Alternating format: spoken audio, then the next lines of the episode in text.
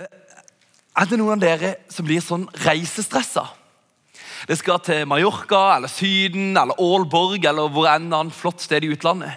Så klarer dere ikke å sitte stille. Dere må opp hver tiende minutt for å bare dobbeltsjekke at jeg husker å sette iPaden til lading.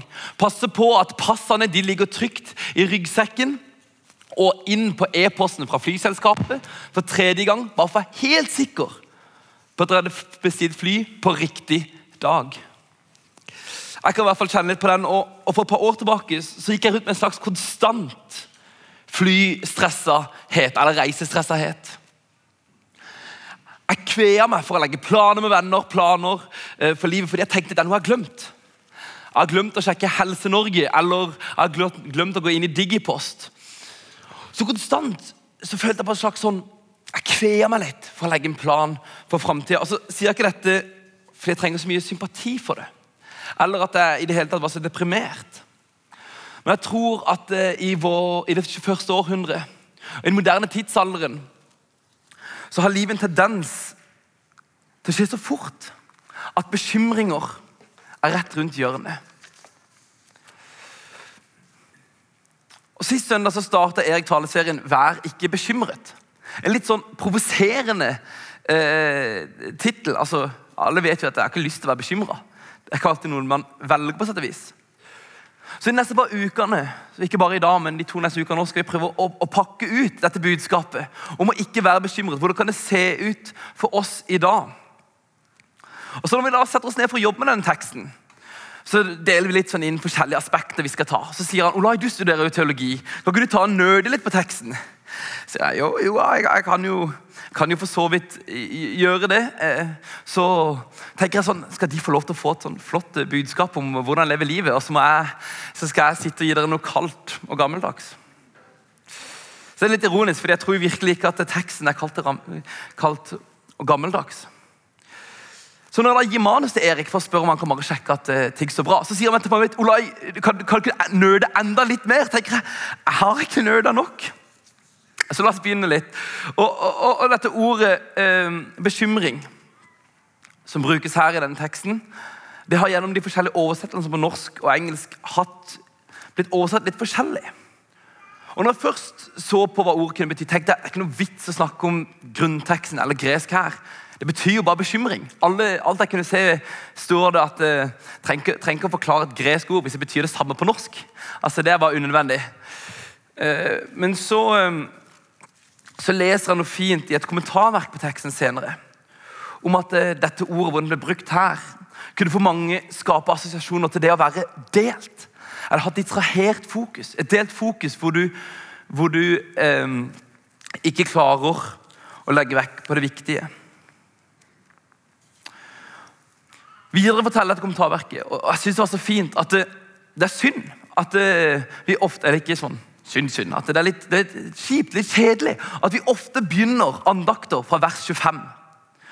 Fordi Vers 25, som dere fikk kanskje med dere, begynner på følgende måte Derfor sier jeg dere. Og dette derfor som kommer her, det betyr jo at det vi leser nå, må jo være konklusjonen på noe som er bygd opp før. Det må være liksom crescendoet i, i teksten. For det, Rett før vi leser om at vi ikke skal bekymre oss, så står det fra vers 23 at øyet det er kroppens lampe. Om øyet ditt er klart, er det fordi kroppen er fylt av lys. Men om øyet ditt er sykt, er det fordi kroppen er fylt av mørke. Er det lys i deg, hvor dypt blir ikke da mørket? Og så neste, det tror jeg er viktig. Ingen kan tjene to herrer. Han vil hate den ene og elske den andre. Eller holde seg til den ene og forakte den andre. Det kan ikke tjene både Gud og mammon har delt fokus. Å være distrahert. Og dette med mammon det er litt sånn ubestridt om det faktisk var eh, Mange tenker at det var en arameisk gud som representerte penger eller velstand. og sånn. Og Det er ikke nødvendigvis sikkert at det er det, men det er definitivt et bilde på at du kan ikke tjene både penger, jage etter penger, og tjene Gud.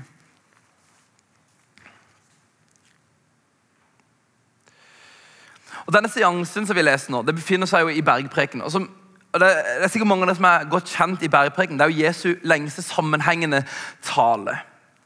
Og I den talen så retter han seg mot hans etterfølgere, de som da var jøder og siden blir eh, og siden var alle folk.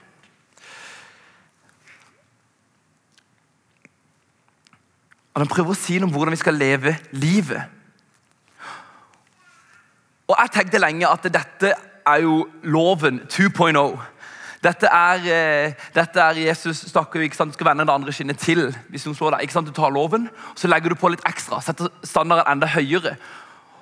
Og så var det ikke før jeg leste en bok av Dietrich Bonhoeffer som heter 'Etterfølelse', hvor jeg skjønte at det, poenget er ikke at det skal være moralske, abstrakte regler. Det skal være et liv som vi får lov til å ta del i. Så er det jo uoppnåelig. Det er derfor vi har fått nåden. Men, men poenget er at, eh, at bergprekenen handler om et liv vi får lov til å leve for å være med Kristus. Og så Før jeg går inn i selve teksten, så vil jeg si noe kort til alle dere som kanskje sitter og opplever at bekymringene i livet er så, nå så store. Bekymringene er så vanskelige at, uh, at livet kan virke mørkt. Ofte så kan bekymringene være som et, som et isfjell. At for en selv eller for andre på overflaten så er det ikke så stort ut, men så er det dypt berg under som går dypere enn det som lett kommer til overflaten. Og så ønsker jeg ikke at denne andakten skal være noen life hacks, quick fixes, for jeg tror ikke sånn livet med Kristus er. Bare gjør sånn og sånn, og så er alt good. Men en invitasjon til en videre vandring med Kristus, og hvordan vi kan ha disse bekymringene som vi kan ta med oss i nyåret, og legge dem for hans føtter, og hvordan det ser ut. Ok. Så jeg leser teksten Sånn, bekymrer ikke for morgendagen, bla, bla. Så sitter jeg med tre spørsmål. Tre spørsmål er tre punkter, eller hva enn du vil, som møter meg. Og det første er, Hva mener du med bekymring? Hva mener du med bekymring? Ja, det er noe med distrahert og sånn, men, men hva er greia? Nummer to, det, det, det, det var Guds rike.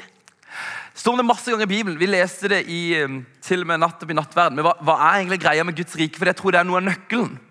Fordi spørsmål tre er, Hvordan kan vi da søke det? Hvis det er nøkkelen til ikke bekymre oss, det å søke Guds rike, ja, hvordan kan vi så gjøre det? Så spørsmålet er, Hva er problemet med bekymring? Det står jo fra vers 5 at Vær ikke bekymret for livet, hva dere skal spise eller hva dere skal drikke, heller ikke for kroppen eller hva dere skal kle dere med. Og vers 4 så står det følgende Så gjør dere ingen bekymringer for morgendagen. For morgendagen skal bekymre seg for seg selv. Hver dag har nok med sin egen plane.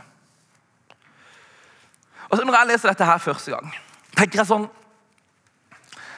Enda en uoppnåelig standard som Bibelen kommer med. Enda et sånn der, et sånn der eh, idealliv eller utopi som jeg gjerne kunne hatt. Jeg hadde lyst på det, men, men bekymringene virker som de kommer rett rundt hjørnet. Er poenget at vi skal Slutte å streve, slutte å jobbe, slutte å gjøre noe som helst. Slutte med ambisjonene våre. Ikke sant?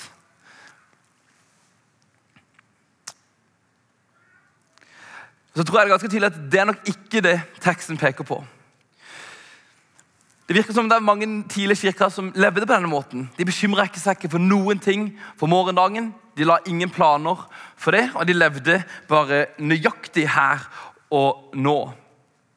Og Paulus han skriver da i 2. Tessaloniker 3.10-11.: For da vi var hos dere, ga vi dere dette påbudet.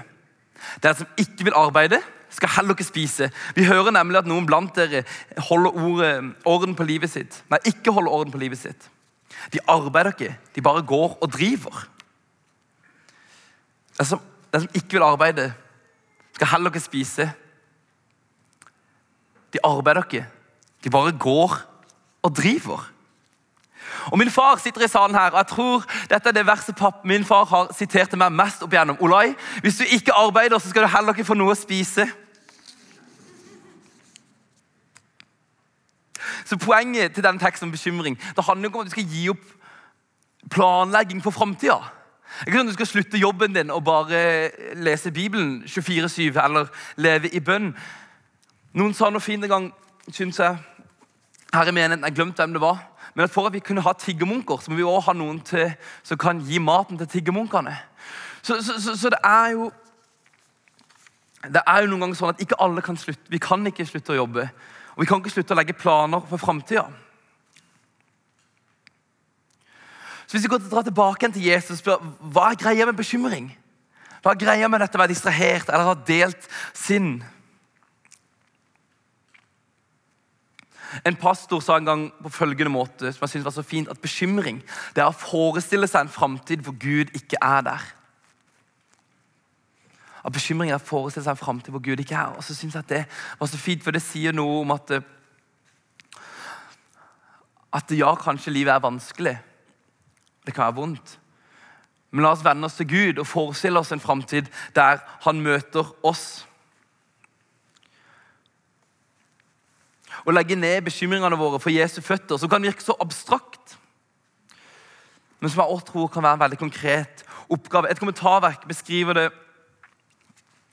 som å ikke bli trakassert av usikkerhet. At Det å ikke bekymre seg handler ikke la usikkerhetene i livet trakassere hvordan vi lever livene våre. Det som er for første århundres mennesker, når de leser den teksten Hva skal jeg spise, hva skal jeg drikke? Så er ikke dette noe abstrakt. Dette handler om de mest basale behovene som vi har. Dette refleksert noen vers videre, som vi leste i stad i Vår Far. For står det, Gi oss i dag vårt daglige brød. Jeg tror det kan være lett for oss å tenke jeg har ofte tenkt sånn, at dette må jo være et slags metaforisk, dette åndelige brødet. ikke sant? Kristus er livets brød, skal fylle oss opp. Men for disse første århundres mennesker så må, og for de fleste mennesker gjennom verdenshistorien så er dette en veldig konkret bønn. Hvor skal vi daglig dag, daglige brød komme fra? Jeg har aldri gått sulten, tror jeg, med vilje. Eh, uten at jeg med faste gjennom hele mitt liv. Takk, mamma og pappa, for det. Men, men når vi ser på statistikken, så henviser det til at vi som samfunn er mer stressa enn det vi noen gang har vært før. Så selv om vi har fått, og for de aller fleste av oss, har fått dekket disse basale behovene, som teksten beskriver, jeg bekymrer meg ikke for hva jeg skal spise eller hva jeg skal drikke. Jeg bekymrer meg sjelden for hva jeg skal ha på meg, til min kones store smerte. Så viser det at 44% av alle tenåringssenter er stressa. Det er nesten annenhver tenåringssenter. Blant studenter så er statistikken nesten like høy. Det er kanskje ikke hva vi skal spise, men jeg kommer inn på boligmarkedet. Finner jeg noen å dele livet med? Og det virker som at Når økonomisk og teknologisk vekst har økt såpass mye at vi har dekket nesten alle behovene i livet, så har samtidig denne stressfaktoren, bekymringsfaktoren, at det vonde i livet økt samtidig. Vaske klær har aldri vært lettere. Mat finner du i overflod på butikken. Og Spesielt vi som bor i Norge, så får heldigvis for de aller fleste av oss, så har vi nok til livets opphold. Så jeg vil si at Markus adresserer dette her i 3.18-19, Markus 3.18-19 om såmannen. Så andre igjen er de som blir sådd blant tornebusker. De hører ordet. Med dette livets bekymringer, rikdommens bedrag og lysten på alle andre ting kommer inn og kveler ordet. Så det ikke bare er frykt. Jeg synes dette er kjempeavslørende. Jeg kjenner meg så igjen i det. Hvor mange dager har, ikke, har jeg ikke lest Bibelen eller ikke vent meg til Gud pga. jeg har sittet og sett på TV, har gama eller har gjort alle andre ting? En undersøkelse fra 2022 viser det at når gutter fyller 18 år, så har de gjennomsnitt brukt 10 000 timer på gaming. 10 000 timer. Jeg tenker, når jeg har hørt om mestringsteori Men 10 000 timer det er nok sier man, til å bli kunne gå proff eller til å mestre noe fullstendig. Så på disse 10 000 timene så kunne alle dere foreldre dere kunne hatt eh, proffe fotballspillere, proffe musikere. Neste klærbok kan være født blant dere. Så spiller man dataspill så er det ikke sånn at det er feil i seg selv, en avkobling. Men det handler om hvor mye tid vi bruker det. Dere voksne derimot, det viser seg, dette er en statistikk fra USA, at gjennomsnitt så bruker voksne amerikanere tre til fem timer hver eneste dag på å se på TV. I gjennomsnitt tar det ca. 75 timer å lese Bibelen perm til perm. Det betyr at Hvis du kutter ut TV fullstendig, bare ett år av livet ditt, så kunne du lest Bibelen 23 ganger på et helt år. Aldri i livet hadde jeg klart å lese Bibelen 23 ganger på et år. Men TV fem, da, fem timer hver dag. Null stress. Poenget med å si at Det handler ikke om at det, å se på TV eller dataspill eller mobilen er objektivt feil, men det handler om hva de valgene vi tar, og hva vi bruker vår tid på. Det er hva vi bekymrer oss for. Det har kommet et nytt begrep nå som handler om konsumeringsbekymring. Og det betyr at Når du blir fortalt om en ny serie eller en ny film, eller noe nytt du burde sett eller gjort, så blir du bekymra fordi du tenker steike, jeg har ikke tid til den der. Jeg har ikke tid til enda en serie, jeg har ikke tid til enda en ting. Men jeg må jo få det med meg. Jeg sjekka på, eh, på alle TV-programmene som, eh, som blir fulgt bare i Norge av mine venner. Jeg gjorde en liten sånn undersøkelse. Så Blant mine venner så burde man se eh, Forræder, man burde se Mesternes mester, man burde se The Voice, man burde nok også se 71 grader nord, Skal vi danse, Maskorama, MGP, og i tillegg så burde du se hver Premier League-kamp. For Hvis jeg skulle gjort det, så, så hadde jeg tid til to ting i livet mitt. Det er eh, å studere bitte litt, jobbe så vidt her og se på TV. Vers 32 og 33 avslutter det, hvor det står vers hvor det står alt dette er hedningen opptatt av. Men den far dere har i himmelen, vet jo at dere trenger alt dette. Og Hedning er jo et begrep som brukes per dag fordi at kaller ikke-kristne eller ikke-jøder. Og Det var de opptatt av. De var opptatt av alt denne verden har å by på. Og Sånn er det jo for oss i dag også. Så hvis våre bekymringer det handler om at usikkerhet trakasserer livene våre, både i framtiden og nåtiden, og at vi som samfunn og for mange av oss har fylt opp livene våre så mye at vi klarer å rekke rundt til alt hva er da løsninga? Hva slags løsning er teksten gir? Teksten sier, vers 23, hvis vi får det opp sier de, Søk først Guds rike og hans rettferdighet, så skal dere få alt det andre i tillegg. Så må jeg begynne først med å snakke litt om Guds rike og Guds kongerike. Og, og, Dette begrepet kommer mange ganger gjennom Bibelen. Og Jeg, jeg må si det sånn, jeg var langt inne på teologistudiet mitt på Ansgar. Eller masse flott på Ansgar, skal jeg si det før jeg skjønte noe av hva det kunne bety. For Jeg hadde hørt uttrykket mange ganger og hadde lest mange bibeltekster om det. Men i Bibelen så står det jo at uh, Guds rike det er noe som kommer. En gang i framtida skal, um, skal Gud komme og erklære sitt kongerike. Men det er også noe vi skal, som i teksten her, noe vi skal søke. Men også noe som skal gis de som er fattige i ånden. Noe som skal bo i oss. Det er noe som både kommer Det er noe som er nå, det er noe vi skal få og noe vi skal søke. For meg så blir det bare sånn, blir på, på sett og vis en slags abstrakt eller en kronglete mølje hvor jeg ikke skjønner egentlig noen ting av hva Guds rike kan være og vil være. Før jeg ble fortalt at det som er sammenhengen her det som er felles for alle disse tekstene, og hva alt det beskriver, er at Guds kongerike det er der Gud regjerer. Og så skulle vi sagt masse mer om det og dypt i den, den, teologien. Men jeg tror det er fint, for da kan vi skjønne som både noe vi som kristne og vi som menighet Guds kongerike kan være her og nå. Men allerede allerede er det kommet, men ennå ikke. Og en gang i framtida skal det stadfestes fysisk kongerike. Er det med? Og Da kan vi lese dette verset på følgende måte. Søk først at Gud skal regjere mitt liv. Og hans rettferdighet. Så skal dere få alt det andre i tillegg. Og da tenker jeg, ok, Hvis det betyr at Gud skal regjere mitt liv, skal jeg bare kjøre bånn pinne? Skal jeg gi alt og få meg ny tjeneste i kirka? Er det det som er poenget? Er det at eh, Jeg, kunne, jeg hadde lyst til å si ja, vi trenger alltid flere i tjeneste. Så Journalisten blir på tvinskvelder. Velkommen. Men, men, det handler ikke om det. Det handler om noe bredere. Det handler om at hver fase i våre liv La oss søke først Gud. Søke først at han skal regjere. Enten det er hjemme, eller på jobb, eller på skole, på kollektivtransport eller på motorsykkelen. Hvor enn du liker å bruke tid. Jeg vil si noe kort om denne del to av dette verset. Etter kommaet. Fordi jeg har hørt det brukt noen ganger, mest på YouTube, da. Ganske grovt ut av kontekst. Vi brukte å si noe om at så lenge vi tjener Gud, så lenge vi gir vår tid til Han, så skal Han velsigne oss i overflod.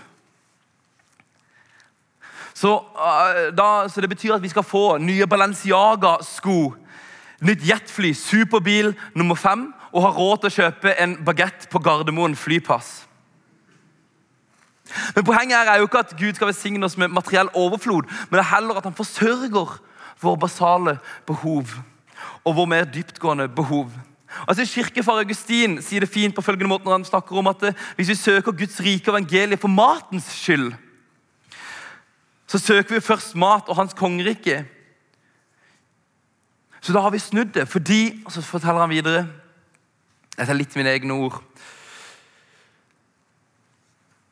Men at det handler om et slags tidsperspektiv. At jeg skal nå søke Guds rike, og så etterpå så skal jeg gå og søke mat. Men det handler om en slags rekkefølge i viktighet. At hvis vi søker Gud i alt det vi gjør, i jobben, i det vonde I hva vi trenger, så er han med å forsørge oss.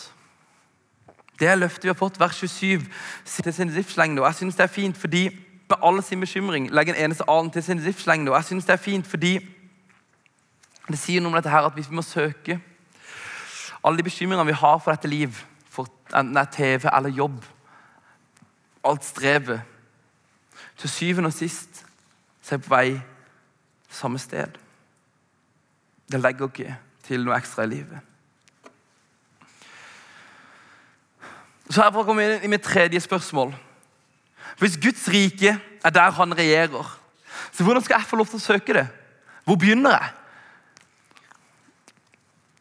Hvordan ser det å søke Guds rike i det 21. århundre? Og Hvordan kan vi møte de stress og bekymringene som vi har i den moderne verden? Jesus hadde ikke Spond eller Snapchat eller Digipost eller Helse-Norge eller hva søren som kan bekymre oss i dag. Og Gjennom disse taleseriene så er jo poenget at vi skal utforske forskjellige aspekter med det ikke være bekymra. Og forskjellige måter å møte det på, og på de forskjellige nivåene vi møter det på. Og så når jeg lagde den andakten, og når jeg med deg tidligere i uka, så hadde jeg lyst til å, å ende i åndelige vaner. Hva er ting vi kan implementere i våre liv nå? For å legge våre bekymringer på Han.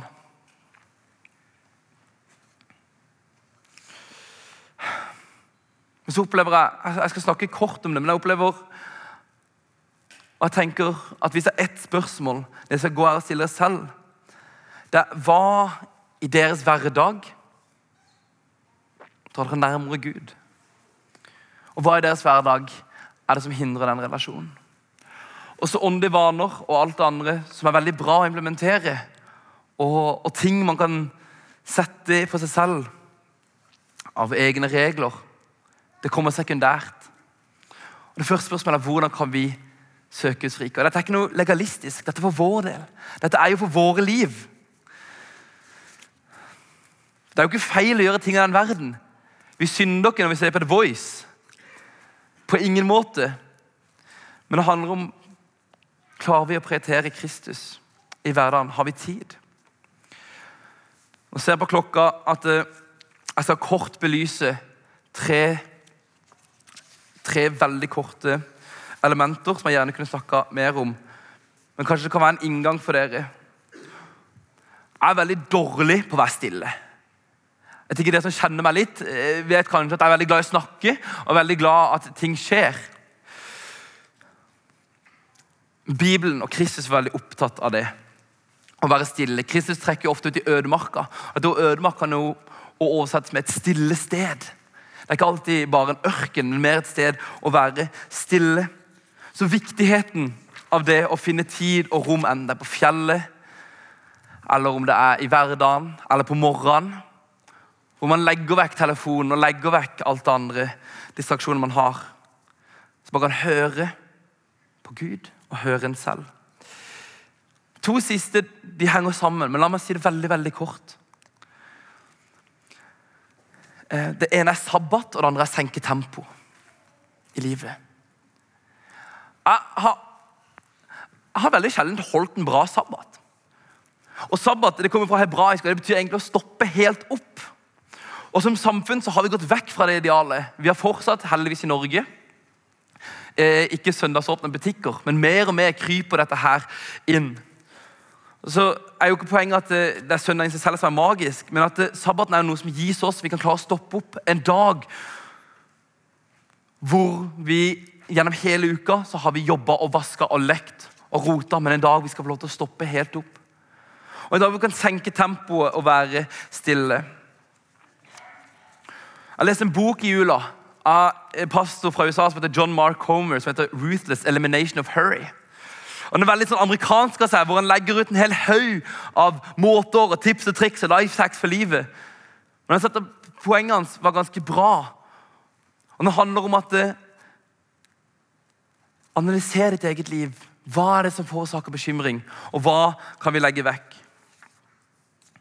Til slutt skulle jeg gjerne snakka mye mer om dette her. Vi burde ha en taleserie om det en gang, Erik. Men til slutt så tenker jeg, hvis du sitter nå og tenker at du ser jo ikke bekymringene i mitt liv Vær litt stille, holde sabbat. Senke livet. Det er jo prøvd før. Det virker for enkelt på disse store problemene. Så tror jeg ikke det er noen enkle løsninger på de store bekymringene i livet. Men jeg tror at vi har en Gud som vandrer med oss i våre problemer. Fem kapitler senere retter Matteus seg mot dere og mot oss om de store bekymringene som vi har i våre liv. Og Han sier, 'Kom til meg, alle dere som strever og bærer tunge byrder, og jeg vil gi dere hvile.' Ta mitt åk på dere og lær av meg, for jeg er mild og ydmyk av hjerte. Så skal dere finne hvile for deres sjel. For mitt åk er godt, og min byrde er lett. Dette løftet gir jo Jesus for våre ytre byrder og for våre synder. For med Kristi død på korset så blir dette budskapet fullendt. Det løftet og at han tar på oss våre byrder. For at ved nåden som blir gitt oss ved Jesus død på korset Det er sånn vi kan legge våre bekymringer, våre byrder, for hans føtter. Og Tenk hvis vi som menighet vi som Guds folk tok dette på hans ord, tok på hans åk og fant hvile i han. At vi ble kjent som en menighet som er prega av å søke først Guds rike og å være stille i hans nærvær. Og vi prioriterer han i vår hverdag og våre liv. Selv når tempoet kan bli helt sinnssykt, spesielt i en by som Oslo, som har tendens til å sluke opp all fritid du har. At vi er menighet som er kjent for at vi setter Gud først. At vi legger våre bekymringer for hans føtter. Jeg vil avslutte med et bibelvers fra Romerne 14, vers, 7 18, vers 17 og 18, hvor det står For Guds rike det består ikke av mat og drikke, men i rettferdighet, fred og glede i Den hellige ånd. Det som tjener Kristus på denne måten, er til glede for Gud og respektert av mennesker. La oss ta og be.